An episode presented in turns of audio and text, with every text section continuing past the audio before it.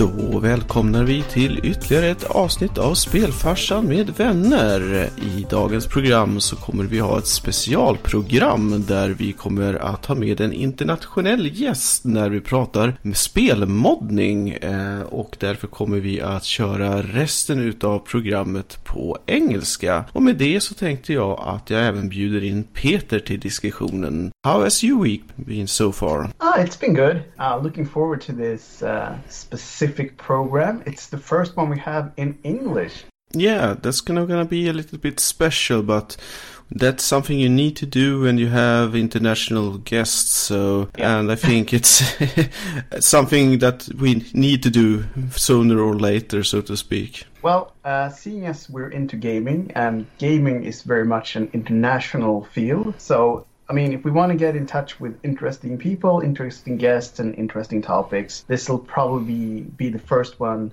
in a series of uh, English programs, I would think. Yeah, so as uh, I said when I started this uh, uh, show, um, today we will talk about uh, game modding and modding or uh, adding stuff that wasn't there before and refining games and re- generally talk about how and why people are doing that. And uh, with that, I think I'm gonna welcome uh, our guest for tonight. Uh, uh, he is doing some uh, voice modifications to Final Fantasy VII, but I think I will let him introduce himself. Hey guys, how are you doing today? Ah, it's fine, it's fine. And you? Yeah, not bad. Uh, my name's Brendan, but I tend to go by Tsunamix online, and I am creating a project that I have named Project Echo S. And essentially, this is a mod that will allow Final Fantasy VII to actually have voices inside it. So it would be kind of like one of those YouTube fan dubs that you find online, except this time you'll actually be able to download it and play it along with your game completely for free. All right. And um, how did you get in contact with uh, the game? How did you get into modding uh, overall, so to speak? Well, I only came across Final Fantasy VII when I was about maybe five or six years old. I got it the year that the game was originally released, which was 1997. But when it comes to me actually getting into modding in the first place, it was actually due to Skyrim, if you've ever played that. And when I first started to play Skyrim, I immediately. I mean, like, I loved the game for everything it was, but I did immediately start to notice a few things that I weren't happy with, like the fact that even with what I'm doing specifically with it being voice acting, the first thing I'll mention is the voice acting in Skyrim. That you could pretty much talk to a guard anywhere in the world and they will have exactly the same voice no matter whether you're on the north side of the map or the south side of the map. Mm. And I do understand that being able to hire the necessary amount of people to play every NPC that's in the game is going to be very difficult. I mean, I understand that very well at this point because I'm pretty much literally having the same problem myself. Yeah. Mm-hmm. And that's all well and good, but it really does start to take away from the game if the player starts to notice these kinds of things. And if you ever just sit on the Nexus forums and start scrolling through the amount of mods that they have for this game, they are literally in the hundreds. There are just so many of them. And then you'd wonder to yourself that if there's this amount of mods out there available that the public were able to make, then why can't why weren't these kind of things available for the creators? You know, why weren't they in the game in the very first place? Mhm. That's true. So after finding out just the sheer amount of mods that were available for Skyrim, I decided then just to have a look to see if Final Fantasy VII happened to be there, and luckily it was. And I was pretty happy to find that it was there, but at that particular time there was only actually one available mod up for it. Yeah. I don't think I've ever actually downloaded it and tried it, but from what I remember just through reading the description, I think that it, was a more of a model, a 3D model overhaul, or something like a difficulty mod. And even to this day, it is still the only mod on the Nexus forums for Final Fantasy VII, other than my own one now. So naturally, once I found out that the game was actually it was it was able to be modded, I decided to just head to Google and look for some mods in other websites and stuff. And after a little bit of searching, I did come across a forum named the Qhimm Forums, and they actually have a huge variety of mods to the point where a new user would almost think, is there anything that they haven't done? So that place was essentially the place that allowed me to start doing what I'm doing now. But um, I went to college for two years to study in games development. Mm-hmm. Okay. But then, even after having the knowledge that I gained through going to college, because the game itself is over 20 years old now, the knowledge that I had learned basically meant nothing because the way that they used to be able to make games on whatever platforms is it's very different to the way that we do it now and the knowledge I have is for today's sort of technology. So it, it didn't help me at all. The Yeah. knowledge I have, it just you know, it didn't help at all and that really it, it did make me sad because I had to relearn everything from scratch. And it it just wasn't fair at all. But it was it was worth doing. I'm I'm happy that I did decide to do it. Mm-hmm. And it was a huge pain in the ass to have to do that. But um, after scrolling through the forums and I, I searched everywhere, I did come to the realization that there was one thing that this game was still missing, and that was the voices. And immediately after noticing that, it became my goal that I would be the person to do that because there wasn't much opportunity left to, to basically become somebody that would be remembered for something amongst these guys. And after a little bit of searching, I did manage to find a way that I could put the voices into the game, and that was where my journey began. Hmm. But it wasn't even a case of just realizing, oh, you know, this is a good software and it will allow me to put voices into the game. It was basically just a sound replacer, and then I figured out, or, you know, I was kind of told by at the same time by the creator that I could actually attach certain voice files to an ID tag in the game, and every dialog box that comes up in the game has an ID tag. So you know, one thing led to another, and of course, boom, we had our answer, and project was a go. All right. And I think I was probably the most excited I'd ever been in my entire life. All right. But but you don't have any. Do you have any back backgrounds with the voice editing or voice manufacturing of any sort, or it's just that it was the uh, uh, glitch that was uh, that you were able to fill, so to speak? Uh, no, actually, before this, I had no experience whatsoever when it came to voice acting or being a um, like a producer type thing or audio, even audio editing. I had no skills whatsoever. I just happened to be the guy that came across the ability to do this, and you know, I just took the project into my own hands, and I'm learning as I go. hmm And that's that's basically it. You know, I just got thrown into the deep end pretty much. All right. But you are some kind of programmer or something from the beginning, or what you studied? Well, I did learn a little bit of coding when I was at college for, you know, just basic stuff for JavaScript and things like that. But Mm. But when it comes to that stuff, most of the time I would use the likes of a program called Unreal Engine 4. Yeah. And getting to know how to use Unreal Engine 4 was a, a big help when it comes to games development, at least, because instead of having to write a script for everything, because it has a it uses a node system where these nodes already have a section of code inside them and you can just put two nodes together and the program will work already you know you don't have to do any of the coding yourself All Which- right. but mostly i enjoy doing things on the graphical side of things mm-hmm, Okay. I would really enjoy doing things like making models in Blender and things like that. Um, I'm actually part of a private forum that does the 3D models for Final Fantasy VII, but unfortunately I can't give the name or any details about it because they're private and they don't want to give their work away because they've worked on it for for so many years now. All right. And they basically do have everything finished when it comes to the 3D models. They've got all the characters, the NPCs, the the enemies, the bosses. Literally everything is done at this stage. All right. That's kind of uh, interesting. Yeah. I Putting mildly. and I had to actually earn my rights into that forum by providing models of my own. And Okay. they don't. And they don't want to release any of the models that they have finished because they've been they've personally spent years doing it and they feel like why why, why would I share all this all this work that I've done for for the sake of other people? So uh, I guess it's uh, something kind of Chrono Trigger Resurrection project. We all know how good they got for them, so I understand why they want to be private until they are done at least. And I guess release it on torrent or whatever. I mean, there has been talk occasionally of releasing things to the public, but uh, I I don't really have a standpoint to be able to contribute to it because I've only done maybe a few models myself, whereas these guys have done literally hundreds of them. Yeah, yeah, Yeah. Uh, We totally understand because uh, we will get to that later, but we all know how unforgiven the bigger companies can be when it comes to fan-made projects and stuff that is Yeah. really fantastic, but they are cut, cutting it short, so to speak. Yeah.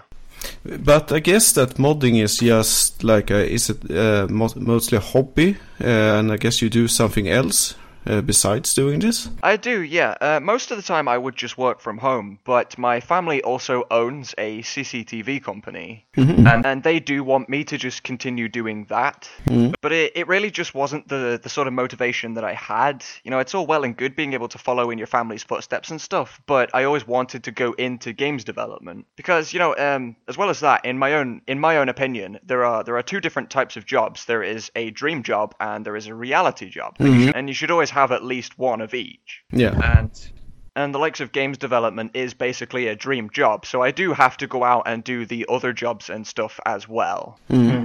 But mostly i would just be online looking up information finding new things that i can do and i would be applying for jobs on the likes of facebook and other websites and things like that you know for instance i would find web pages to promote uh, games and stuff that have the green light on steam Ah, okay, cool. and it does work occasionally, but most of the time they tend to be looking for the likes of coders and the such, and that really isn't my forte. But but I thought But- that many projects needed like the graphic touch because like uh, they know coding but they are no artists. But maybe they are more common the other way around. So Well, a lot of people do already tend to have their uh, the 3D designers and stuff. So by the time that they do have the green light on Steam, they have already got their main characters designed, they've got their animations going, and all them other necess- the necessities. So I think I'm I'm basically just finding them that little bit too late. No, okay.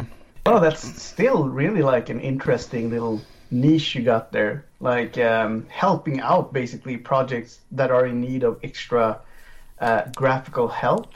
Uh, Yeah. Just because you're interested in the gaming like business or like not maybe the business, but much as it is gaming itself. Yeah, I mean, sure, it's it's everybody's dream to be able to get where you want to be and have your own thing, but I'm perfectly happy with just working for somebody else and trying to help them fulfill their dream too.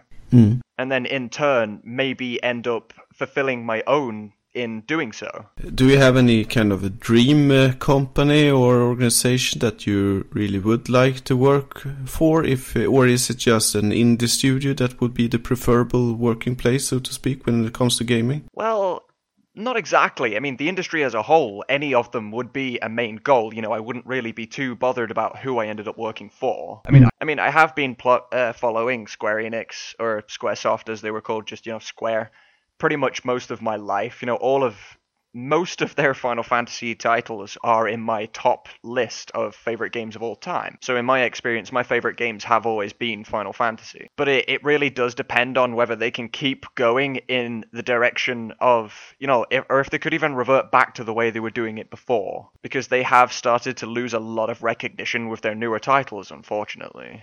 Yeah, it was uh, 15 was a little bit of recovery, but it, of course it's not like something. Yeah, it's a new thing, but at least it's a bit gooder, a little better than previous stuff Yeah. they made. See, I think that one of their main problems is, um, I, I don't know, I'm going to use the word problem just for a lack of a better word, was because they've been around for so long and they've been using the same system the whole time, when they are now starting to change it to try and keep up with the other guys, they're going to lose all their original fans because, you know, a lot of people don't like change. I mean, sure, they will keep quite a few of them because a lot of people are open to change and, you know, games, of course, are going to evolve over time. Otherwise, you're just going to get left behind. But a, a lot of the originals are going to, they're just going to fall off and they're going to stop. They're going to stop supporting them entirely. Yeah, I mean, the, the, talking, oh, sorry. I mean, just talking about Square and Square Enix as an example, I think they have the problem of having had a golden age of gaming in their Yeah. repertoire. Like, if you look back at all the classic Final Fantasy games, those defined a generation and a genre in many ways.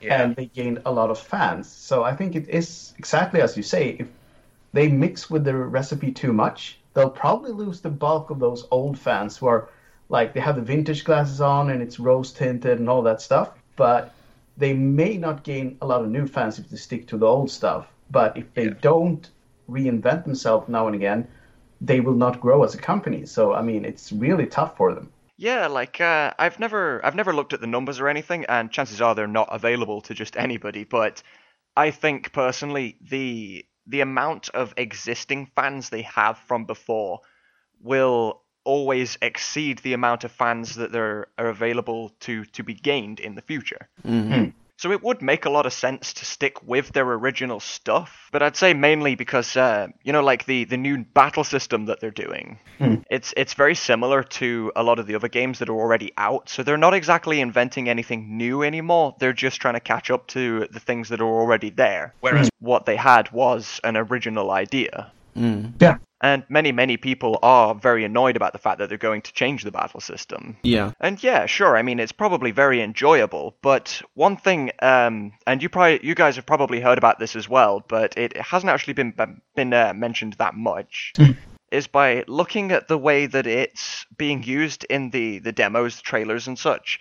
Is that it seems to it just might eliminate the need to play as anybody except the main character. Yeah, it sounds it's it looks very much like uh, Crisis Core. Because for the sake of making the game easier, I suppose, if you can play as Cloud and only Cloud and just keep leveling him to get as strong as possible, then why bother playing as anybody else except for, you know, enjoyment, I suppose. That's a fair point. Yeah, it's really a fair point, but that, that's also about what when you're talking about naming it like Final Fantasy VII Remake. I think it should be Final Fantasy VII Reimagining because, like as you said, the, the they have made it perfectly clear that the battle system will be this newish Final Fantasy 15 uh, uh, version, and I would really hope, but I don't think that will be so very likely to happen. But they could that they could just include like a classic uh, switch, so that you could uh, Yeah. uh, switch to freeze the battle and do it as you did before, or at least if it ever gets out to PC, maybe some could mod it in. But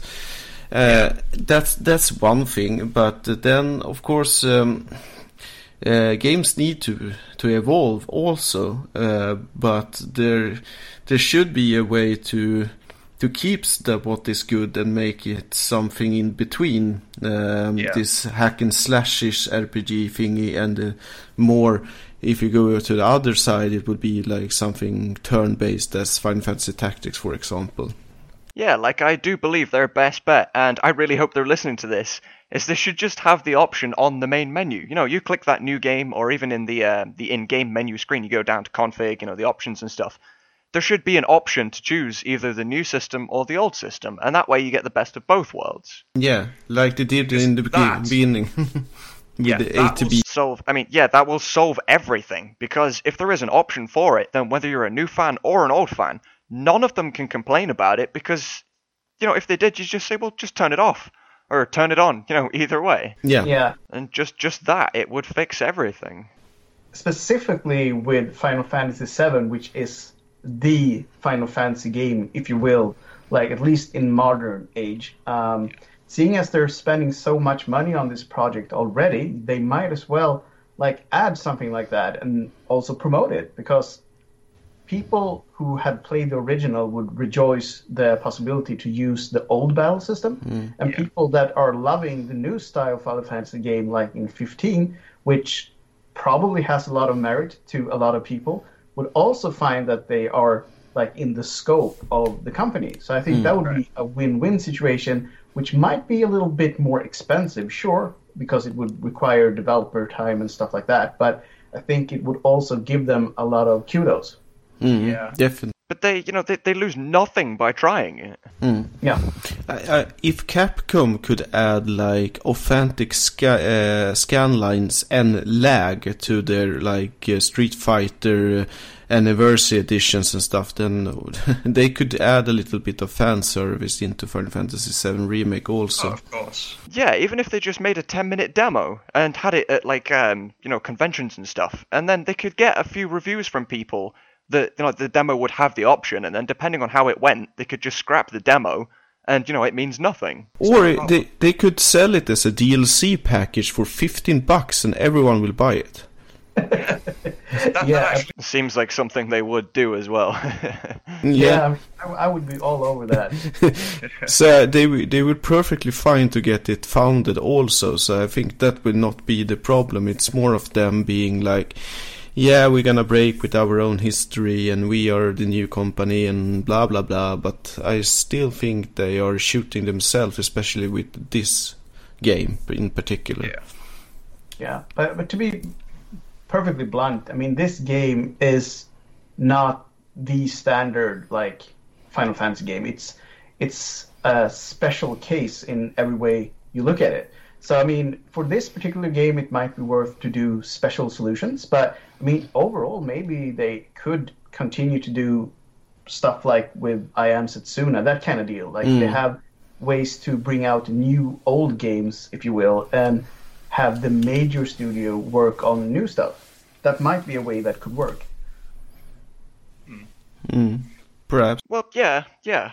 Um, I mean, one example that I have is there is a a gamer that uses Twitch. You know, he live streams and stuff, and he goes by 48 Productions or Death Unites, So he sort of goes by different names depending on where he is. And he emailed me there back maybe a, a few weeks ago just, and he says to me. Uh, was it okay if I sent him a playable demo of some kind and he would live stream it to his 17,000 fans? And I was, was like, yeah, go for it. You know, I'm I'm not going to turn down any publicity. Yeah, you know, any any publicity is good publicity. Yeah, of course. books. And you know, I sat watching it as he did it, and many of the people that were watching had said that what they were seeing was actually what the fans want and not what Square Enix needs. Mm. Hmm. Mm. And a lot of people believe that the only actual reason we're getting this remake in the first place is because this is that little trump card that they had the whole time to be able to bring the company back from the dead. That and Chrono Yeah. Trigger, I would say. And what And for them to succeed, they are going to have to have to make what we want and not what they need, you know. Mm. yeah. I mean, it's kind of true, I would say, because there's been a lot of talk for a lot of years. When is that Final Fantasy VII remake's gonna show, or when is it gonna happen? I mean, all Yeah. the time since they showed that technical demo way back. Yeah, what was that It's even for? Yeah, was it like the PS3 or something like that? yeah. Uh, so it's been a long time, like 2006, 2007, that happened. And that basically brought up the point that this is something that you could do. Because you have already done it for the intro, so why not do it for the entire game? And, you know, so I, I think it's making them, like, it's, it was bound to happen at some point because their old school fans are bugging them about this all the time. But it's also, as you mentioned, kind of a golden bullet. It has to be used at the correct time. And they, they must do it right because it is really a break it or make it. Yeah. Oh, yeah. It would have been nice if they would have had this planned well in advance, ready for a release on the 20th anniversary. If they And could release the game on its 20th anniversary. That that would have been spectacular. Oh, yeah. Yeah. Mm. What do you? It's- And I was I was really disappointed what we did end up with. You know, we got like a, a picture. and then they made that snow sculpture at a festival that they had in the last seven days or so. yeah, that was Yeah, pretty I- sad. It was kind of lackluster. I really hope they would do more. Hmm. But it is also making an appearance in another game. Uh, if you've ever heard of a game called Mobius Final Fantasy, which was originally a mobile game but has now just been converted over to Steam, Yeah, I've heard of it yet. Yeah. and they're hosting a Final Fantasy VII remake event on there right now. hmm oh, I mean, I don't think it actually has anything to do with the remake, but it does have like um, higher quality, up to date models and such. Oh, okay. Um, And as a modder myself, I will be eventually taking them out of the game and putting them into uh, the original Final Fantasy VII as well. yeah. yeah, that's cool. at Yeah. some point. How did you get in touch with Final Fantasy in the first run? What you mean? Um, just the the first time I played it, how I ended up playing it in the first place. Yeah, Oh. initially, do you? Right, Did yeah. you? Yeah. So yeah, again, when I was about maybe uh, five or six years old, I had no games, no consoles, nothing of the sort. Mm. And at the time, my my grandfather worked over in America. And at some point, you know, he'd been working over there for quite a few years at that point, and you know, he decided to come back over for a holiday to see me and the family and stuff, because you know he hadn't seen us in such a long time, perhaps even since I was born. And Right. he came back. And he came back and he brought this uh, PlayStation 1 with me, the, the really old sort of big square grey ones, and it had Final Fantasy VII with it. All right. And you know, at the time, with me being such a young age, I had no understanding of games in general, and you know, I couldn't even get past the first boss. Yeah. And I'm not sure if other people out there somewhere have experienced the same thing as me, but I'm I'm almost positive that playing that game actually helped me learn how to read quite a lot. when I was a child. yeah, I can imagine. And because of them reasons, and you know, just the general fact that I absolutely love the games, I bought them every year when they came out, all the way up to number ten, I think it was, maybe 10-2. I'm, I'm really not too sure. So I did. And after that, you know, number 11 came out, which was online only, and I didn't have the internet growing up as a child, so, you know, I wasn't able to play that one. And then after that, you know, um, number 12 came out, and I, I don't really like that one. Uh, there isn't really, I don't have specific reasons. Like, it's not as bad now that I've played it a few times, but it's it's way down on the list for my favorites anyway. Mm. And, and these games have always been my favorite games throughout my whole life. You know, a lot of people would say to me, you know, "Wh- wh- why do you find this so interesting? Why don't you just be normal and go and play Call of Duty or Gears of War or something? And I'm like, sure, yeah, you know, them games are very action orientated, they're very interesting, and you could play them for hours without even knowing where the time went. But when it comes to Final Fantasy, you know, if you've ever seen, if you've ever read a good book, Hmm. or if you've even just watched a really good movie, the point is, if you play a game, you get both of those aspects at the exact same time. Mm. Yeah, Yeah, the definitely. stories. But it's just it's the story behind every Final Fantasy game. Well, the older ones mostly. They're just they're unbelievable.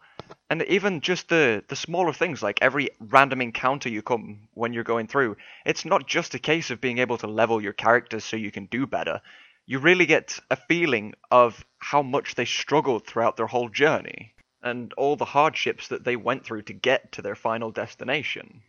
Yeah, it's really yeah. That's really the touching story is one of the things that is actually get the grip on you. I think uh, I imagined uh, I did something similar of a travel when I tried out my first uh, JRPG. I think it was actually Final Fantasy uh, 4 to SNES and the same thing. I could barely read English at the time, and uh, it's as you said, it quite uh, got me through the English lessons just to be able to understand the games.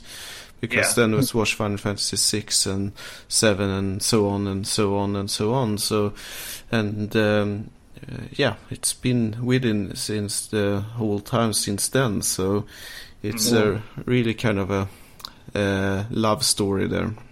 I think for a lot of people in Sweden, like in the generation that uh, me and uh, Oscar are in, a lot of the English lessons we got was through gaming because Yeah. there aren't that many games uh, done in Swedish. At least Right. not ones that we were like interested in playing. Yeah, there And is if you one think to- actually. Yeah, yeah. I mean, there, there are some for yeah, sure. but- Shadowrun was uh, adapted yeah, to yeah, yeah. And Swedish. some of them were, were translated and had voiceover and stuff like that. But most of the stuff, and especially when we're talking about JRPGs, that was that was English, and it wasn't like beginners English at that. So if you wanted to get most out of it, you had to get down and learn stuff, and you had uh, a good incentive to learn. So I think a lot of us learned English and English vocabulary through gaming, which is kind of cool. Yeah, it really is. I mean, it's it's a really cool thing. I mean, sure, nowadays you can just go onto you know the likes of the Qhimm forums and you'll be able to get a translation for basically every language. Mm. Yeah, it's the fact that something so simple or small or you know I wouldn't really know how to describe it properly, but you know something like a game can end up teaching you an entirely different language, you know, without the need of school or anything like that. Yeah, Yeah. And, and teach you about history and teach you about everything. I think games are a fantastic source to teach people about almost anything. And of course, uh, there need to be a certain variety and mix in order to teach uh, different stuff. I think you don't, maybe don't teach you uh, so much about, for example, the language playing Counter Strikes for 10 years, but Counter Strike will, of course, learn, teach you other stuff like uh, team building and so on and so on and so on. But especially uh, role playing games will teach you a lot of stuff. Yeah. Yeah. Like, there's no way you would ever prove it, but I'm I'm pretty sure that just from playing Final Fantasy growing up throughout my whole life, it has actually made me a more intelligent person than I would have been without it. Because you know you have to think about your situation and assess everything and try and work out what you've got to do. Like for example, you know how um, most of the time, you know, in pretty much every case, you are going to be similar to at least one of your parents. And And many people have actually said to me that, you know, I was nothing like either of my parents. And even my parents themselves have, you know, they've questioned the fact that I'm pretty much nothing like either of them. And the way we worked it out was, you know, we tried to think of things that, you know, what did I do different as opposed to what they did. And other than, well, the console in general, gamings and stuff, but I sort of do theorize that Final Fantasy may be the reason for that.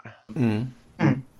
And don't get me wrong, I'm probably giving the game like way too much credit, and it's probably not true, but even the fact that it could be possible is quite very, in- you know, it's very interesting to think about. Yeah, it's uh, it's like even if it's just the smallest thing, as long as it is a thing at all, it's something that was brought entirely into being through a game, which Yeah. is really cool. And I think it's also the entire thing is that it's positive, like it's a positively loaded thing. You have stuff that you learn, and I mean, talking about like school and education, a lot of the times the the problem is that we don't have enough interest in it to learn. Yeah. But this is something that people find by themselves because they want to learn, and I think that is a thing that gaming has that a lot of other stuff lacks. like you know with with modding specifically there could be hundreds thou- well hundreds of thousands of gamers in the world And and most of them won't actually have any sort of um, internal knowledge of these games you know how they work behind closed doors and all that sort of stuff True. but if any of them were like me then you know i just like the reason that i started modding skyrim in the first place was it was just because i was fussy. Um, just the, the simple things like if you're uh, if you're dual wielding if you have two swords and you go to put them away you know you will sheath them both into the same uh, the same sword sheath thing.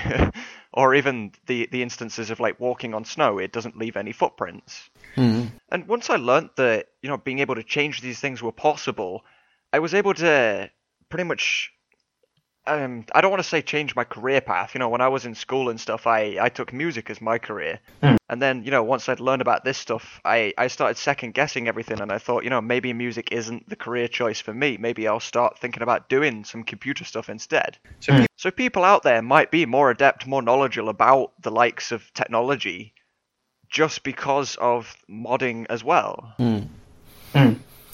But what tips do you have to our to our listeners if they would like to get into like the modding scene and especially if they would like to contribute to the modding of Final Fantasy VII? How should they begin?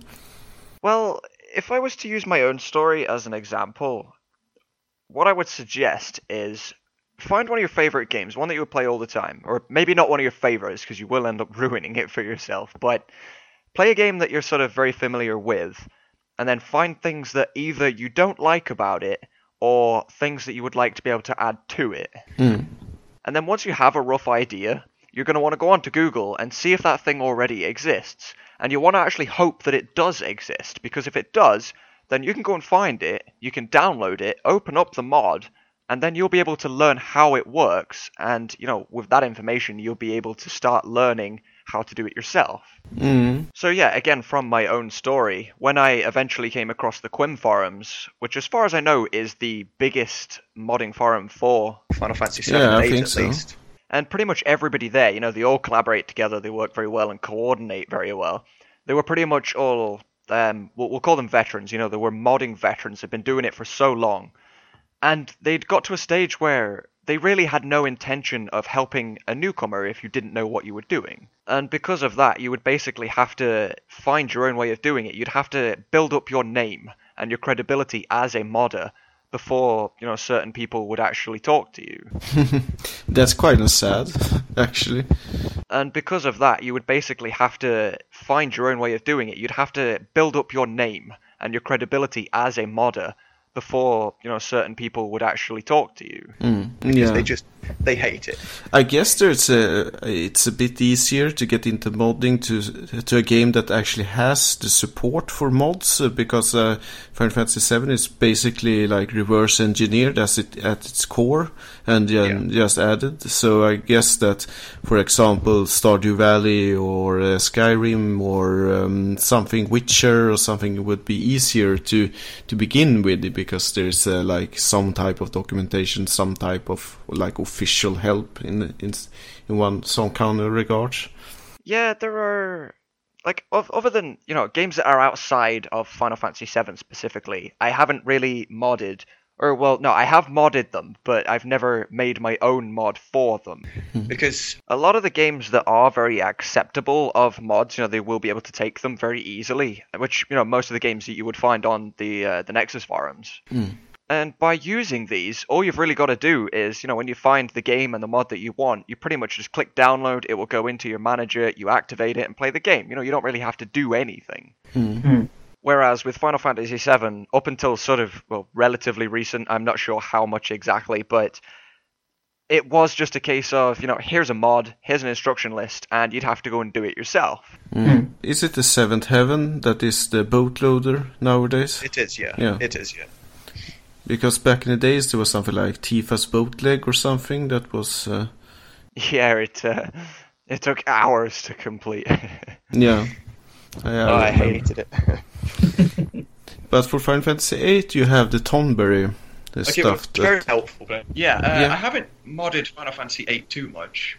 Um, I think that um, uh, as soon as you get into it, I think uh, it will be. I guess it will be quite rewarding because you are doing uh, something, adding something new to something that I love. So I guess that is the, like the mi- main drive of why people mod games in the first place. Or what is your opinion? Yeah.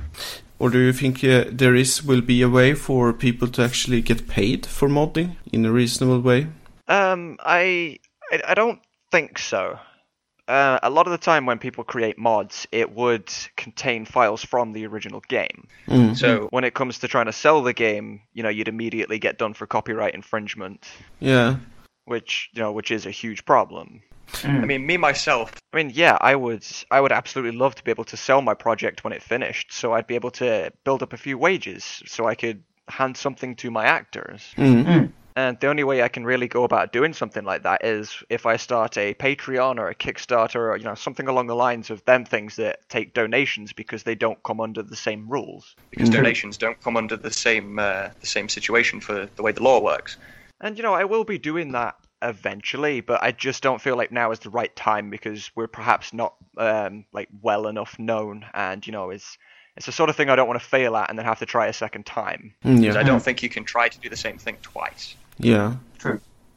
But um, when it comes to modding in general and reasons, and you know, for why companies might allow it, Mm. I believe that that's a, a very double-edged sword because as a um, as a company, if you think you know why th- if if there's so many mods that exist for your game, then either people are just getting smarter and they're playing around with whatever you've created, or it's the other side of it and they actually your game they're saying that your game is not good enough because they had to go out their own way to make it acceptable. Like the the newer games now, they're it it almost seems like they're not up to people's standards and people are having to go out and to, to mod them to be able to enjoy it. Mm-hmm. Which basically suggests that, you know, the the future games and stuff, they're just getting worse and worse and everybody's having to learn how to do these things just to get the chance to really enjoy it. I mean, it's either that or because we're so used to getting all the good stuff now, you know, the it's it's we're just we're we're really hard to please, you know, we're being very uh being very fussy, I suppose. Mm. When it comes to companies allowing mods to be created for their game, uh, there are certain companies that you know they would follow up and they would take certain mods down. Like perhaps, uh, for example, you know Nintendo. Don't like the idea of anybody doing anything to their games. No, Yeah. they're being quite harsh, especially like uh, letting projects actually be finished and then force them to get down, even if they are being ongoing for uh, many, many years.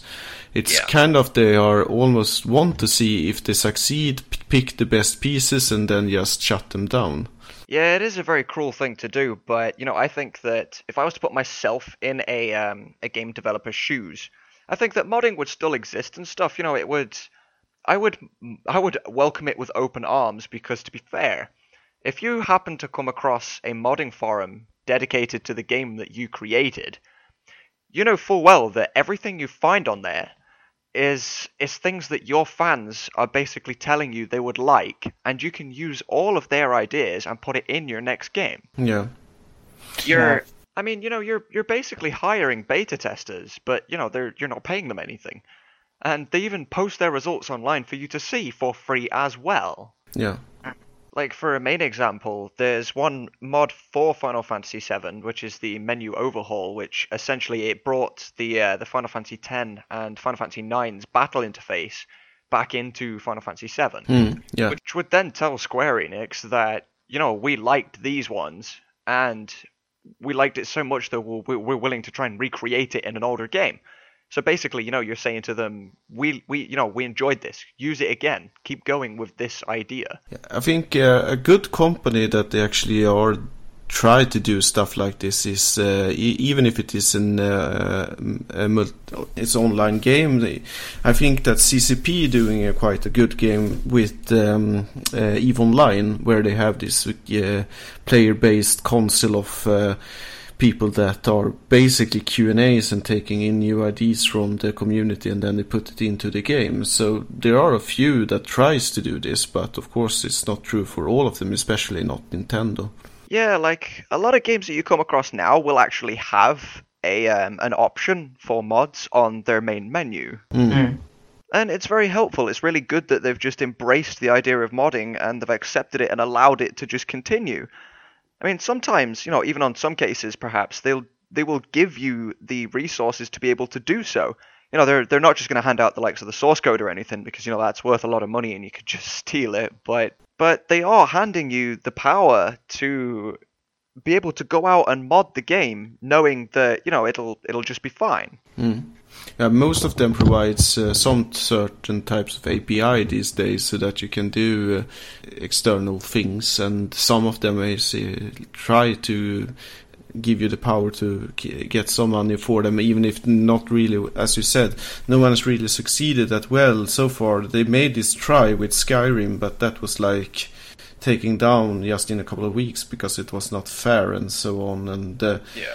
I think that Blizzard made an effort with um, the StarCraft 2 um, editor, but uh, I still think the best um, the best thing to go is uh, that uh, uh, you keep you keep modding at least on a certain level to like a fan love fan thing and if the game makers really like it they can reward you in buying your stuff and then put it into the game or uh, hire you or whatever as has been done with a certain amount of people and if the mod is really growing, then it it should probably be its own game. But let's, uh, uh, for example, Counter Strike or Dota or something like that. That is a complete new game.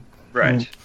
Well, a thing I think like they have the opportunity like usually the modding communities spring up around fairly large AAA titles. Like for instance, Final Fantasy VII that was a huge game when it came out, and I think if the companies had a bit of perspective on what they're actually getting, they could build services around this. Like for instance, they could have a devoted service for people that have a finished mod that they could then put through like a review or something. And if it met the quality standards set by the mother company, they could acquire it and then add it maybe as DLC or as like uh, a mod that you could get in the proper game. And also like combining the best out of two worlds because the modders would probably get a little bit of recognition and they would feel appreciated. And also they would bring in the information as we said. They're basically the best kind of testers you could have. And also the mother company would get the product and they could cherry pick the best part of it and put it into something that they already own. Mm. Hmm. Yeah, that that does sound like a very good idea. Yeah. yeah, and, I think it would satisfy both parties because modders are probably in many ways like passionate fans to begin with, or they have like small irks with the game that they feel, as you mentioned, like why aren't there any like footprints? I'll fix that. And I have a very hard time seeing any company that would mind stuff like that being brought into their game because Yeah. At many levels, they are people that probably have the same kind of thought process, but they are pressed for time when they develop games. They're stuck in crunch time. Stuff has to be done at a certain like time, and it has to be launched. But if people do this for them and they have a proper review track to get stuff done, then it would be, in my opinion, I think a win-win situation. Yeah, yeah, I would, I would totally agree with you. Mm. But I, I think I, I wonder uh, what. Uh, I guess that uh, bigger companies like Nintendo at some point do need to some way better to meet the the audience in in a way that is not just forcing down fan love and fan made stuff because people was really angry both with of course the another Metroid 2 remake and uh, and especially with the, the Pokemon Uranus uh, project. And at some point it will be more they will start losing a lot of customers based on that they are how they are handling it. So I think, I hope that in the future that uh, there will be uh, less of a combat and more of this system that Peter is uh, talking about, and that we will yeah. see a, a, better world in that regards. Yeah, it would. Yeah, it would be. Uh, it would be very good. But you know, I- I'll give you my word right now. If for any point in the future I become a games developer, I will have that option. in the game that I release. yeah. Yeah. Um, I think I can sign the same sheet right away, with, like no doubt. Um, I think it it has to do with like, for for my view anyway, it's like if you don't put any personal prestige in it. I know this was as best when we released this game. It was hopefully the best product we could put out at the time. But for you know there's always leeway for improvement. And I think as long as you look at it like that, it shouldn't be like something that hurts your ego, and it probably won't hurt your brand and the company in itself. As Oscar said, if Nintendo had embraced the positives, they could actually probably have gained a lot of money. We do acknowledge that these people have done something good, and we will now have the official brand on it. And you know, let's bring it out there and have people buy it in some way. Mm. I mean, well, yeah, I mean, like you can't, uh, you, you just you can't expect to put a game out there and then expect everybody to be happy with it. Mm. Mm. So then, you know, as, as long as you were able to acknowledge the fact that everybody's different, you would be able to please a much wider, like a, a vast amount more of people. Yeah. Have you ever been in fear that uh, your um, projects will at some point get the cease and desist? Um, I I don't really know. I don't I don't quite have an answer. Like you know, I have I have thought about it, but you know, on the exact same thing, I've I've really tried not to think about it. I mean, yeah, if I did get an email from them saying, you know, this is a cease and desist, you have to stop what you're doing immediately, and blah blah blah. Mm. Yeah. Chances are, you know, I would continue doing it, but just not publicly. Yeah. I would yeah. release it to myself and you know, like family members, close friends, cast members or any even diehard fans or whatever you know that emailed me that kind of thing. Mm. Yeah. Because at this point, you know, like uh, you know, modding originally to me was just a hobby. I just enjoyed doing it. But now that I've started doing this project and I actually have people working under me, it it actually feels more like work now. Mm. Because you know, I have to keep everybody in check. I have to send out things and give out deadlines and make sure everybody knows what they're doing. And you know, it's just it really does feel a, a lot more like work in that regard. Yeah. Ha- have you seen any projects on the forum that has actually got uh, taken down, or uh, has it been like a safe haven in just for the Qhimm forum? Um, I did hear about one, but it, it wasn't so much a mod. Uh, it was actually they were trying to recreate a game as a TV show. Oh, okay. And they got taken out before they'd even released their first episode. You know, they just put out a trailer on YouTube and just immediately they were they were gone. Oh, okay. Yeah. But I do believe that there are actual members of Square Enix in our forum. Mm-hmm. And I think that, you know, as long as we all follow certain guidelines, we won't get taken down. So if I haven't been taken down yet, I don't think I will. What are the uh, kind of uh, general guidelines, just that, so that people that might be interested in this know, so they don't do anything stupid? Well, the the main one they have, you know, it would come under the whole copyright thing as usual, would be to open up a more advanced game or a newer game and take the 3D models from it and then release it publicly. I mean, sure, you can use it for personal use, but you just cannot give that sort of material away to anyone. Main one that comes to the top of my head would be the likes of Dirge of Cerberus. and people would take Vincent from it and then put it back into Final Fantasy VII because, of course, it was a newer, higher quality model. But you just you you can't do that. I mean, I, I don't even think you are allowed to officially take the music from a newer version either. And there mustn't be a single link that would take you to any place that will allow you to get content for free or you know them them kind of things. Mm. I don't really think they've ever just straight up came out and said this is the rules, abide them. But you know, a lot of people know, you know, they're they're obvious basic sort of guidelines and you just you just follow them anyway. Yeah, but I guess that, as you said, that uh, the game and the modding community has been there for almost this uh, 20 years. It would be strange if not Square Enix has uh, knowledge about it, or in some way maybe even support it behind the scenes, so to speak, in some regards. Oh yeah, I think uh, I think I definitely would. I mean, they're they're finally coming out with the Final Fantasy VII remake, and the one place you're going to find the most amount of fans is on the forums. Mm. And at the very least, they can sit there and they can look and they can look at all the mods that all the fans have made, and then they just go and make it. Like You can't cherry lose. picking the bit, best bits. Exactly. Yeah, you you literally cannot lose by using that method. Yeah. And like I said earlier about the whole live streaming stuff, and the people, the uh, the fans that were commenting on it said, you know, this is what we need, this is uh, this is what we want, and not what Square Enix needs. There is literally your answer on exactly how to get that. Mm. Yeah. So, by any chance that there's a Square Enix representative out there listening to this, then there you go. Yeah. Definitely agree on that. Uh, I would be perfectly fine with if that. I would say that there would really not be, for me personally at least, it wouldn't really be a, a really need for a remake if, for example, that if your project was done and uh, the HD background project was done, then I would say that I would be perfectly fine with that version. Yeah, I'd, uh, I'd I'd probably be the same. You know, um, I mean, there's one person that is actually working on the field backgrounds because they did actually die for a while, and this one person himself has come back, or not so much come back, but you know, he's brought the topic back in general, Mm. and he actually does have quite a few of the areas done, and they look really good. Uh, as far as I know, he uses a um, a program called Google SketchUp, and he'll recreate the 3D area and you know take a screenshot or whatever, put it in game, and there you go. Yeah, I I heard something also, but that's just upscaling when the use is like Waifu um, 2x or Yeah. something.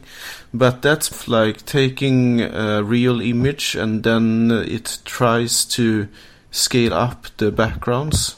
Or- I Yeah. Yeah, it's it's just increasing the resolution, and don't get me wrong, there is a noticeable difference, and fair play to those guys. But you know, these this person and a few others that have done it in the past, you know, they're actually recreating the whole area as a 3D environment. And he has made a tutorial and he's put it up there on the forum and he's been trying his very best to recruit some more people because, you know, he's obviously very passionate about this project. And it's going to take him way too long to do it himself. And you? You don't have the time, I guess, or? No, you know, it's uh, due to genuine lack of time, yeah. But I mean, I, I will when I finish.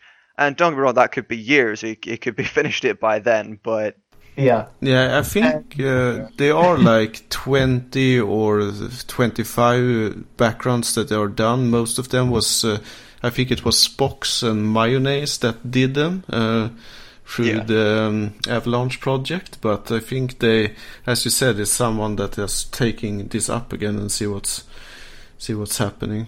like for for quite a while, I did try and find another forum somewhere, in a, like in a, a different language or something. You know, because I was thinking, you know, there's, there's bound to be another forum that's in like Japan or something that's you know pretty much done everything that we are already doing. You know, they're they're way ahead. Yeah, because Yeah. they because you know they're they're pretty much ahead of us for practically everything. But uh, I did at some point I did come across a uh, a French forum, but they have basically just outsourced everything that we already had. Mm. so I had no luck there, unfortunately.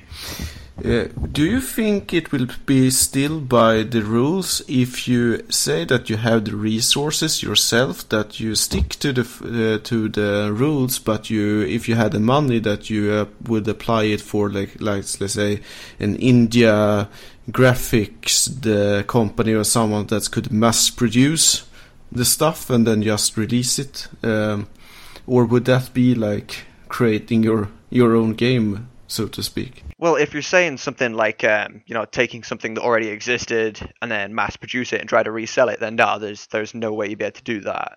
I no was, matter what language. I was more in. like the, um, thinking that if you had the resources, uh, because it's hard to get people to do something for free. If you had the resources to actually pay people, then it might would be easier to get uh, them to to help you, so to speak. But then Oh, again, right, you, then you need the funds to do it. Yeah, um, I've actually managed to get you know all my main cast, all my minor cast, and you know so many of these others, and they all work for free.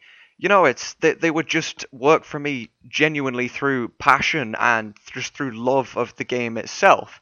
And you know, there'd be the occasional one as well that just liked the idea of it and you know wanted to get some credibility to their their voice acting name.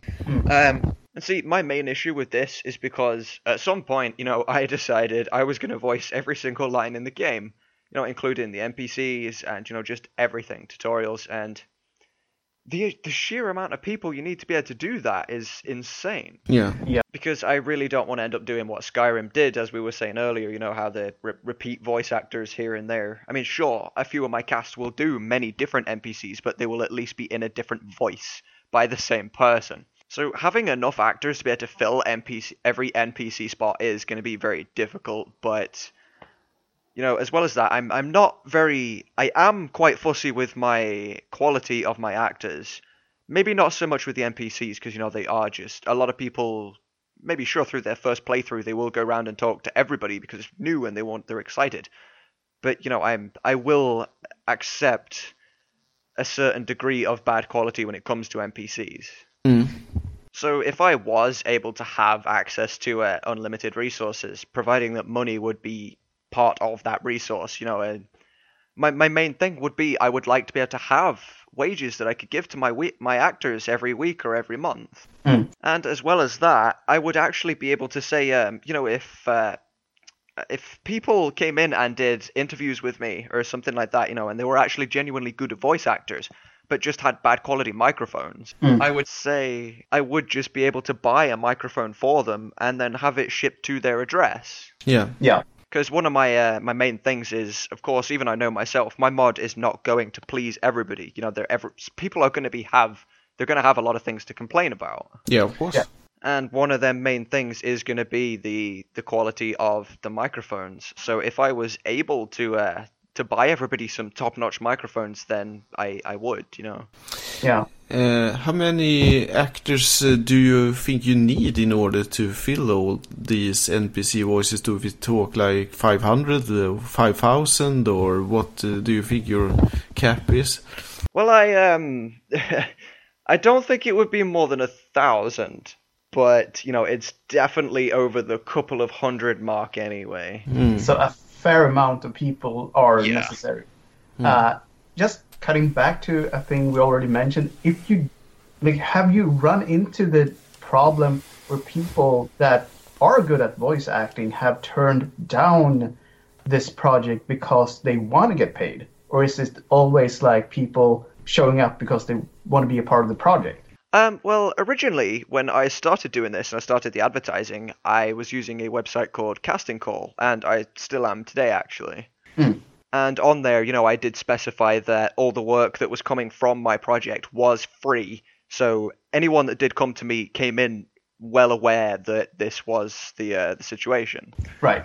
There's there's only been two actors so far that I actually went out and sort of uh, you know headhunted myself because I thought that they just fit a certain part very very well, and you know it did take them maybe a, f- a few days to decide whether they wanted to do this because they they tended to be voice actors that had worked before, and you know as a voice actor you have your name to to keep upholding stuff. Wow, that's uh, that says something about the the people involved. If they did know that they had to do for free and then still wanted to be a part of it, it's probably saying something about the project as a whole. Yeah, uh, one of the main things that really did make me smile was um, well, no, there's there's two things actually. Uh, you know, when I first started this project, I didn't have any videos out. You know, there was no genuine proof of concept that what I was doing was genuinely real. And many people knew that this sort of project had actually been attempted before, and you know it's it had failed. It was about five years ago, so of course everyone's a little skeptical about it just in case. Hmm. But then once I did eventually get a video up of sort of in-game, you know, gameplay, a lot of people had seen that and they they decided then to uh, to sign up and try and get involved because the the proof of concept, the, you know, they thought, oh my god, you know, this is actually real. I want to be involved with this. Yeah. And on top of that, I do have a few actors that I think I think at least are sort of you know semi well known. You know, they don't have like a you know a big voice acting career. You know, like the the, the fella that plays Shrek or that kind of thing. Mm-hmm. They might not. But you know, they have actually gone out and got paid work before.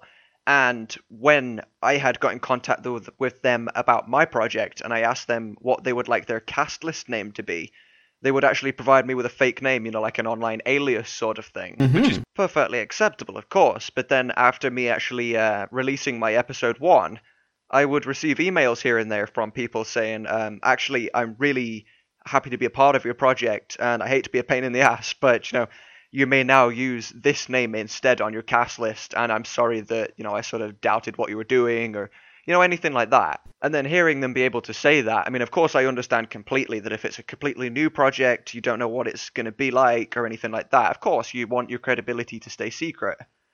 But then, you know, once you hear them sort of words or you know read them words on an email from from somebody who has got somewhere, it just it really made me smile. You know, it made me very proud of what I had accomplished. Yeah, that's really a seal of approval. They they like what they heard and they want to be an official part of it. That's great. That's really Yeah. cool. Uh, when we're talking about voice actors, uh, what are your uh, favorite voice actors when it comes to to gaming? Is it like some certain one that you really would like to have into your project? Well, the main thing is that with many of the voices, you know, like NPCs, minor cast, anyone basically who wasn't in the movie or a um, a different a branch out of the game, you know, they've never had a voice, so it didn't really matter what they sounded like per se. But then you get, you know, the ones like the main cast that were actually in the movie and have had voices. So when it came to hiring them, I did try my very best to get somebody who sounded as close to as possible, or in certain cases identical, because I do believe I have one or two that would be exactly the same as the voice actors from the the real movie. That's cool. But I don't know if there would be any specific actors that I would go out and headhunt myself, you know, like famous ones. I mean, sure, it'd be great to have the likes of Eddie Murphy and whatever working for me, but, you know, I wouldn't be able to just choose one actor over another for any particular reason. It's, I don't know, it's kind of hard to explain. You know, I, I'm, I'm not very clued up with this sort of stuff, you know, it's still all new to me and whatever, so I don't really, I don't really know what I'm doing, to be fair, just yet. so I wouldn't want to just hire somebody that has a name for the sake of them having a name, sort of thing, you know. Mm. But you know, I've I've never even considered the possibility of that happening. So I'm I'm quite literally just trying to think of my answer on the spot here. It's uh it's pretty tough. Someone that That's a would tough one. someone that would really cool if you could get to, even if I don't think he maybe is not be interested in it, but would be Joseph um, uh, Kucan or what his name is, the guy who's doing Kane in uh, Command and Conquer. Yeah, Right. yeah, yeah. I don't know. I'm not sure if I've ever heard of. Um, I mean, sure, like I've I've played the game. But it was Yeah. so long ago that the voice does not stick in my head. He's basically the one who's he's the evil dude through the whole game, and yeah. I think it has a really great. But there are a lot of people that have great voices. They- But I do believe, well, ever so slightly, that um, he's probably not going to like me talking about this, but um, there's one person in my cast in particular. I won't give any details about him, but his email address and you know his cast list name, every bit of information he's ever provided me is sort of anonymous. You know, it's it's an alias like. And he auditioned for one of the characters for me, and he just happened to sound pretty much damn near identical to a, a well-known famous anime actor and it sounded exactly like a particular person that plays a character in a anime named Code Geass. Yeah, yeah. see Yeah. And you know, once the rest of the cast had actually heard his original audition, we all sort of spoke amongst themselves. Um, you know, we were like, we've got to ask him. It was like, are you are you this guy or not? Because you know, you're and because we we are all positive that it is actually him. I mean, like if you were if you were a big sort of well-known famous actor, voice actor, and you know you just had no work coming around for a little while, I, I I believe that I would just scroll through sort of the casting call page, find some cool projects, no matter what the budget or quality may be, and think, you know, what, I would like if that existed. Yeah. That's the sort of thing I would do. Yeah, of course. And I really do hope that one day, you know, he will just turn around to me eventually and he'll be like, you know what, I'm really sorry that I lied to you for all these years or however long it's been. He's going to be like, but I am actually this guy. and I'm just going to be sat there like, oh man, that's awesome. You know, I've been working with such and such for, for years and just didn't even know about it. Yeah. For, for reason I can't state, I couldn't tell you before now, but you know, you got me. Or that he just says that I am your evil twin brother. But there is a uh, another actor that I have who is actually playing Barret, Vincent, and Sephiroth, which is it's an awful lot of work to do. Yeah. He's you know being as that he is actually playing three main characters and probably will end up more with more work than anybody else. Mm. Ironically, is probably the person with the least amount of time to be able to do this because he's actually filming a movie right now. So. Oh. No. So, you know, I do actually have a couple of people in my cast that, you know, they potentially could end up getting somewhere at some point and become very well known, and it'd be such a pleasure to have worked with them for all this time. Yeah. Yeah. Which is really cool. And I'll be glad to have even known them, you know, never mind worked alongside them. Yeah, and I think also the the real great thing with that the, the thing that you do as if especially when you keep this positive thing around it and so on, if someone really makes it and really gain traction, he could also potentially be a, a quite a, of a drive in order to make uh, the project happen or another Yeah. upcoming project or whatever. It's always great to have great connections. like as well like if um if i ever get the opportunity to actually try and promote my actors for you know other work that's out there paid work then i will try my very best to actually try and get them more work you know because it's it's all well and good saying you know they're going to be part of my project and they'll probably gain a lot of skills and experience over that time. But of course i want to do my very best to actually build up their career promote them as much as possible and help just just genuinely help out as much as i possibly can. Yeah. We, we've like we have spoke quite a few times about many different things you know like um most of the time we would meet up on skype or discord you know we have group chats. I have two separate group chats actually for my cast in particular i have a professional chat for work related things and questions and such and such but then i also have a friend chat Hmm? and you know the the friend chat it tends to mostly be just meme wars and just random crap you know but we have spoke about the fact that you know chances are when we finished this project, it will get, you know, at, at the very least, Square Enix will have heard about it, and you know, they'll, it could have some recognition from them. And you know, one day I could potentially receive an email from the likes of Square Enix, you know, anyone that works there, and it would just say something along the lines of, you know, we're gonna, we're holding an event in such a place at such a time, and we're gonna be paying for you and we'll say your main cast, you know, the seven or eight main characters, to come over here Yeah.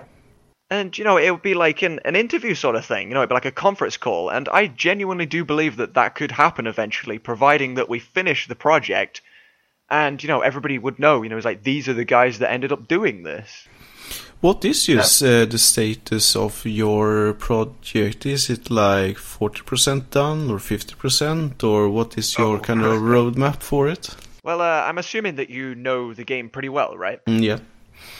well right now i am i'm around the area where you first meet aerith in the church No. it's you know it's only the first say well it'd be what maybe half an hour of the game but with the voices in providing you went round and spoke to everyone you know it'd be about two hours maybe worth of gameplay Mm, Yeah. yeah. Yeah we're not very far in at all i mean you know we've we haven't long really started so Yeah, but uh, how do you plan with, with because you have released the, the demo and so on? Will you keep doing this for like each section, like uh, releasing like Midgar and then releasing some other stuff, or will you keep it until it's done, or do you have like a plan on how people will actually be able to interact with this? I um, yeah, I will be releasing playable demos every now and then. You know, it won't be after every single YouTube video because if that was the case, then you know people that followed along quite often would they would have basically finished the whole game before the mod had even came out. You know, then there'd be no point in uh, downloading the entire thing when it was finished. The main reason I released a demo in the very first place was it was basically just it was just a um, an experience that you could go through to prove that you know this could actually be done. Hmm. Yeah. And then, as well as that, you know, I do have the likes of my Sunamods Facebook page, which I will be posting updates on. Maybe not regularly because I don't want to paste pointless stuff. You know, I just want to, I just want to put up genuine updates, and you know, I'll put up comments and stuff for you know different areas, and whichever area say gets the most likes, I will then do a sneak peek preview of that section in the future or something like that. And I'll be doing the same thing for playable demos as well. You know, I'll ask the fans where they would like the playable demo to go up to or from and stuff like that. I mean, right now it's not doing too particularly well because I'm not quite well enough known to get a reasonable amount of answers to that sort of thing. And I did post about the, one of the demos, and without trying to give away any spoilers for any listeners here that may have never played the game before, you know, the uh, the first time, well, not the first time you encounter Reno, but you know when you have to um, escape from the tower. Yeah. And then there was also leaving Midgar, and I think it was sort of just after you get on the boat from Junon, and it would have the uh, you know just the whole the boat sequence, and then it would stop when you got to the other side. All right. So I was going to sort of let the fans decide whether demos would be released more frequently or you know further apart from each other. Yeah. Is it uh, a lot of legwork to actually get the recordings into the game, or is that uh, an easy thing? Well, yeah. To be fair, you know it, it is pretty difficult, but most of the reason for it being difficult is actually my own fault. Mm-hmm. Because when I did first figure out that I was able to do this mod, one of the very first things I did was I sat and I tried to think about all my options. Now I knew that this mod would not please everybody, and there were certain options I came across that I knew not everybody would enjoy, and a lot of people would really, really enjoy. So I decided to make the there's four separate versions of the mod. I mean, it all comes in the same mod, but you can choose to tick or untick certain options that you may or may not want to use. Like, of course, you have the normal one where it's a completely original Final Fantasy VII style with the voices, and then it has a subtitled option, so everything's in the bottom left and the boxes are invisible and stuff like that.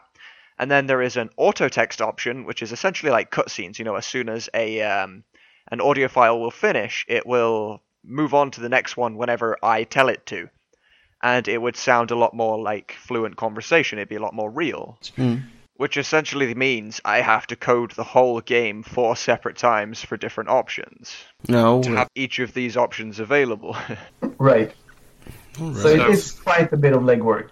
yeah, so I did. I went out and I made it so much more extra work myself because if I would have just said, you know, you have no choice, these are the options, you have to have it subtitled and auto texted like the uh, the new style games would be, Yeah. then it would have took me maybe about a quarter of the time to finish the whole thing. But you know, I know there are a lot of people out there that do really enjoy the original style where it has the blue box in the middle of the screen, and you know, I don't want, I don't want to take that away from everybody. So I have seen that you have uh, pushed a bit for your um, sister project that is doing the voice uh, coverage for Final Fantasy VIII. Do you do some kind of uh, helping out with each other, or is it just like pushing the thing together, so to speak? Well, yeah, actually, um, an actor that applied to work for me was also working in this uh, Final Fantasy VIII dub, and yeah, well, um, well, his isn't actually a mod, sort of like mine would be. It's just a online YouTube fan series. You know, you could go and watch it and whatever.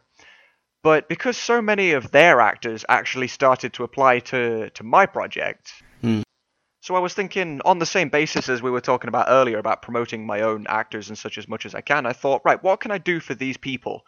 And the first thing that came to my mind was, you know, if I if I get in touch with the director of this other project, then we could merge our projects together, and you know, I would I would share my actors with him for whenever he needed them, and in turn he would return the favor and do the same thing for me, because you know I do require an awful lot of them. And you know, he he did say yes, and so since then we have been sort of promoting each other. You know, I would I would post things like when they make new videos, I would post that up on my Facebook, and he would do the same for me. And you know, it's just a win-win situation. You know, neither of us particularly lose anything by helping each other out. So Mm. Yeah, that Yeah, sounds of like a good thing to do. Uh, seeing as you probably have the same kind of drives in many ways as well. And I did say to him at one point that, you know, being as he's doing this anyway, and he is voicing the game, and, you know, it's the exact same pretty much the exact same uh, amount of work to be done. Why not turn it into a mod anyway? Because it is possible. And you know, he basically um, he replied to me with, you know, he wouldn't have the the know-how or the knowledge to be able to do that kind of thing. And you know, I, I says to him that whenever I finish with my project, if he keeps all the voice files, I'll I'll go ahead and do that for him. yeah, so five years down the road or something. Yeah. I mean, I have actually been asked by a few people to actually um, make my mod in different languages already. I think there was two different ones so far. You know, not including English. Yeah, I understand. And you know, I basically said, yeah, go on ahead. You know, if I, I will do this, providing that you go out and you get your crew and your cast, and you know you do the scripting and you translate everything from your own language. Mm. And I says all I've got to do, or I mean, I says all you've got to do is uh, translate everything for me, send me the files, and then all I've got to do is drag and drop it into my mod, and you know that's it. We're we're basically done. Yeah. So yeah, you know, I will happily do it in other languages as long as somebody is there and willing to translate and do some of the other, well, most of the other stuff. Yeah. Yeah. that's Yeah, really that's cool. really cool. Uh, we are getting closer to the end of uh, today's uh, show, so I would uh, just ask: is if it, is it something new, something else that you would like to add before we wrap up this uh, this episode? Yeah, there'll be one or two things I'd like to say here. Um, uh, well, first off, is uh, when you post this, are you going to be able to um, put links and stuff under the video, like captioned or whatever, for the listeners to click on and you know? Uh, yeah. Because one thing that I really do need is, you know, I am looking for more actors. I am hiring all the time. So if I give you the link to my casting call on my Facebook, would you be able to put that on the the post for me? Yeah. Or if I was to give you an email address or something, you would be able to say, you know, if you would like to inquire about this project, you know, you can email this guy at such and such, and Yeah. Yeah, of course, Something like that. of course. Yeah, that's and you know, I'm I'm, I'm actually going to feel kind of bad here, but you know, I'm going to use mainly this section to just promote myself. No, no, Okay. it's, it's why we have this show. But if anybody out there who would like to be a part of this project, and you know they're not even voice actors per se, I have a few other jobs as well. Like I'm I'm in need of beta testers. Anybody who is willing to sit and play through the game and test the punctuation, spelling mistakes, grammar, you know, literally everything. It's a horrible job, I know, but it's got to be done. And if there's anyone out there that may even have knowledge of how the inside of Final Fantasy VII works, I am looking for coders as well. I mean, it's not even coding. It is nothing similar to coding. I just do not have a better name for it. Because I am quite literally doing everything right now myself. You know, and if I had 10 coders, I could potentially chop down the time, the speed that, you know, it would take for this project to come out from maybe we'll say five years to, you know, like two or one and a half. Mm-hmm. And if there's anybody here that hadn't previously heard about my project and, you know, have sort of drawn inspiration from this, you want to go check it out, then I can give you guys a link to my YouTube channel and you'll be able to go over there and you can watch my videos and see exactly what we have been talking about for the last hour. Yep. And then lastly, on top of that, we have um, we actually use you know how I says we use the Skype and the Discord chats. Well, the Discord chat I have actually got specific channels inside there for followers or fans where they can actually come in to our Discord and they'll be able to talk to the voice actors themselves. They can come and meet us, and you know it could be really fun because you know a lot of them, I'd say a lot of them will actually respond to people that come down, and you can just have some fun while you're there Yeah. most of them will be willing to talk to basically anybody that comes up, you know, providing that they're nice enough people and if they do have sort of criticism, it will be constructive criticism. You know, they won't just outright attack you for it. But, you know, there will be, of course, one or two here and there that won't want to just talk to anybody because, you know, they have other things to do. Yeah, yeah, we will certainly mm, do that, and we will um, also, of course, as we usually do, we will make uh, a small YouTube video related to uh, this program and uh, your project, and there we can also, of course, add any kind of information that is needed in order to get involved in this, because I think all of us really would like this project to happen, and as soon as the better, basically. Yeah. no problem at all. If Yeah. you give us the stuff, we'll make sure it's both included uh, where you can listen to this and also included in the video so they can watch it. So we'll Yeah. we'll definitely help out if you give us the stuff we need. And then my- my very last thing, but not least, of course, is I have to just say, you know, huge shout out to all of my actors. I cannot thank all of you enough for helping me out with this project. You know, I know that you guys probably do it for yourselves, but I see it as you're all doing this for me. You know, this is one of my personal things that I always wanted to do. You're all working for free, and it's just fantastic. If I give you deadlines, 99% of the time you will do those deadlines and your your skills, your talent and the just the reasoning behind what you do is fantastic. I cannot thank you guys enough. And you know, we're the way that most of the actors, not all of course, most of you guys, you know, you'll come into the friend chats on the stuff and we've got to know each other pretty well. And it's it's been absolutely great getting to know you all and I'm really looking forward to the whole the huge journey that we have in front of us. So just overall, thank you guys so much. And you know, that's from fear of repeating myself, I'm leaving it at that. Hmm. Mm, I think that's the sentiment that a lot of people have around this project. So yeah, shout out to everyone involved in projects such as this one. Mm, definitely. All right, and with that, we uh, say thank you and goodbye for tonight. And uh, we will hope that anyone who is listening to this will uh, turn in for next week's episode. Um, so, till then, goodbye and good night. Yep, bye for now. I nästa program ska vi prata Zelda. Allt från de tidlösa klassikerna till dagens storverk. På återhörande då, tack och hej.